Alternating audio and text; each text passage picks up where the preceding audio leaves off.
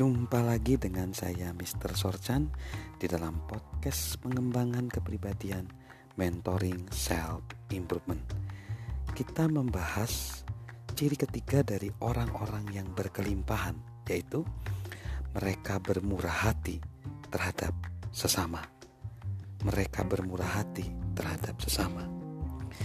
Karakteristik dari orang-orang berkelimpahan adalah kemurahan hati ketika memikirkan kemurahan hati, sebagian besar dari kita biasanya berpikir tentang memberi uang untuk amal. Itu memang tanda kemurahan hati. Tetapi kemurahan hati yang berasal dari pola pikir berkelimpahan jauh melampaui hal-hal yang berhubungan dengan uang semata-mata. Itu berarti memberi orang kesempatan memberi orang lain kepercayaan, alasan untuk ikut bekerja sama dengan Anda. Orang berkelimpahan bisa bermurah hati dengan memberi orang lain peluang, memberikan sumber daya dan informasi yang mereka butuhkan untuk melakukan pekerjaan dengan baik, memberikan pujian ketika mereka berhasil, dan bersikap lembut ketika mereka melakukan kesalahan. Kemurahan hati yang berhubungan dengan jiwa. Kemurahan hati dalam bahasa Inggris generosity berasal dari kata bahasa Latin gener generosus yang berarti darah biru. Istilah itu dikaitkan dengan para bangsawan yang memiliki hak istimewa serta mewarisi kekayaan. Diharapkan bermurah hati kepada orang lain yang status sosialnya lebih rendah. Kita semua berada di tempat yang lebih baik daripada orang lain. Kepada mereka, kita harus bermurah hati. Jika kita seorang pemimpin, kita harus memahami bahwa dengan posisi tersebut, kita memiliki hak istimewa. Kita harus bermurah hati kepada orang-orang yang kita pimpin.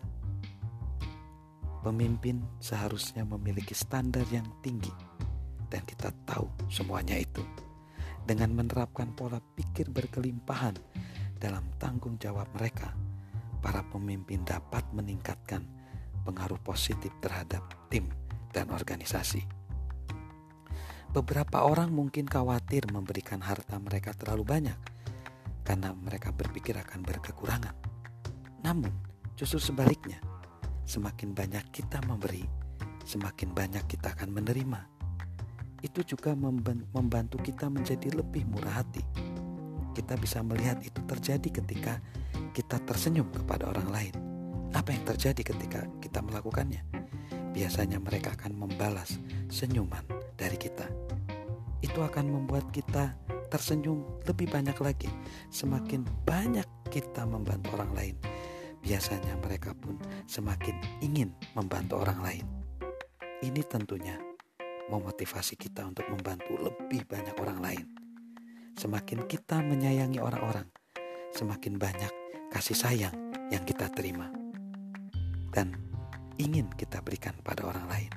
Itulah yang disebut dengan paradoks berkelimpahan atau the abundance paradox. Semakin banyak kita memberi, semakin banyak yang harus kita berikan dan kita ingin kita berikan. Semakin banyak kita memberi, semakin banyak yang harus kita berikan dan ingin kita berikan. Orang-orang berkelimpahan tidak akan mengalami kekurangan dengan memberi.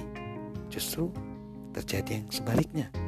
Mereka menabur di dalam kehidupan orang lain dan mendapatkan panen besar sebagai hasilnya. Tidak pelak lagi keuntungan terbesar dari invent inventasi dalam hidup kita adalah mengembangkan, mempercayai orang lain. Jadi, mari kita menjadi orang-orang yang berkelimpahan, yang bermurah hati terhadap sesama. Salam sukses luar biasa dari saya, Mr. Sorchan.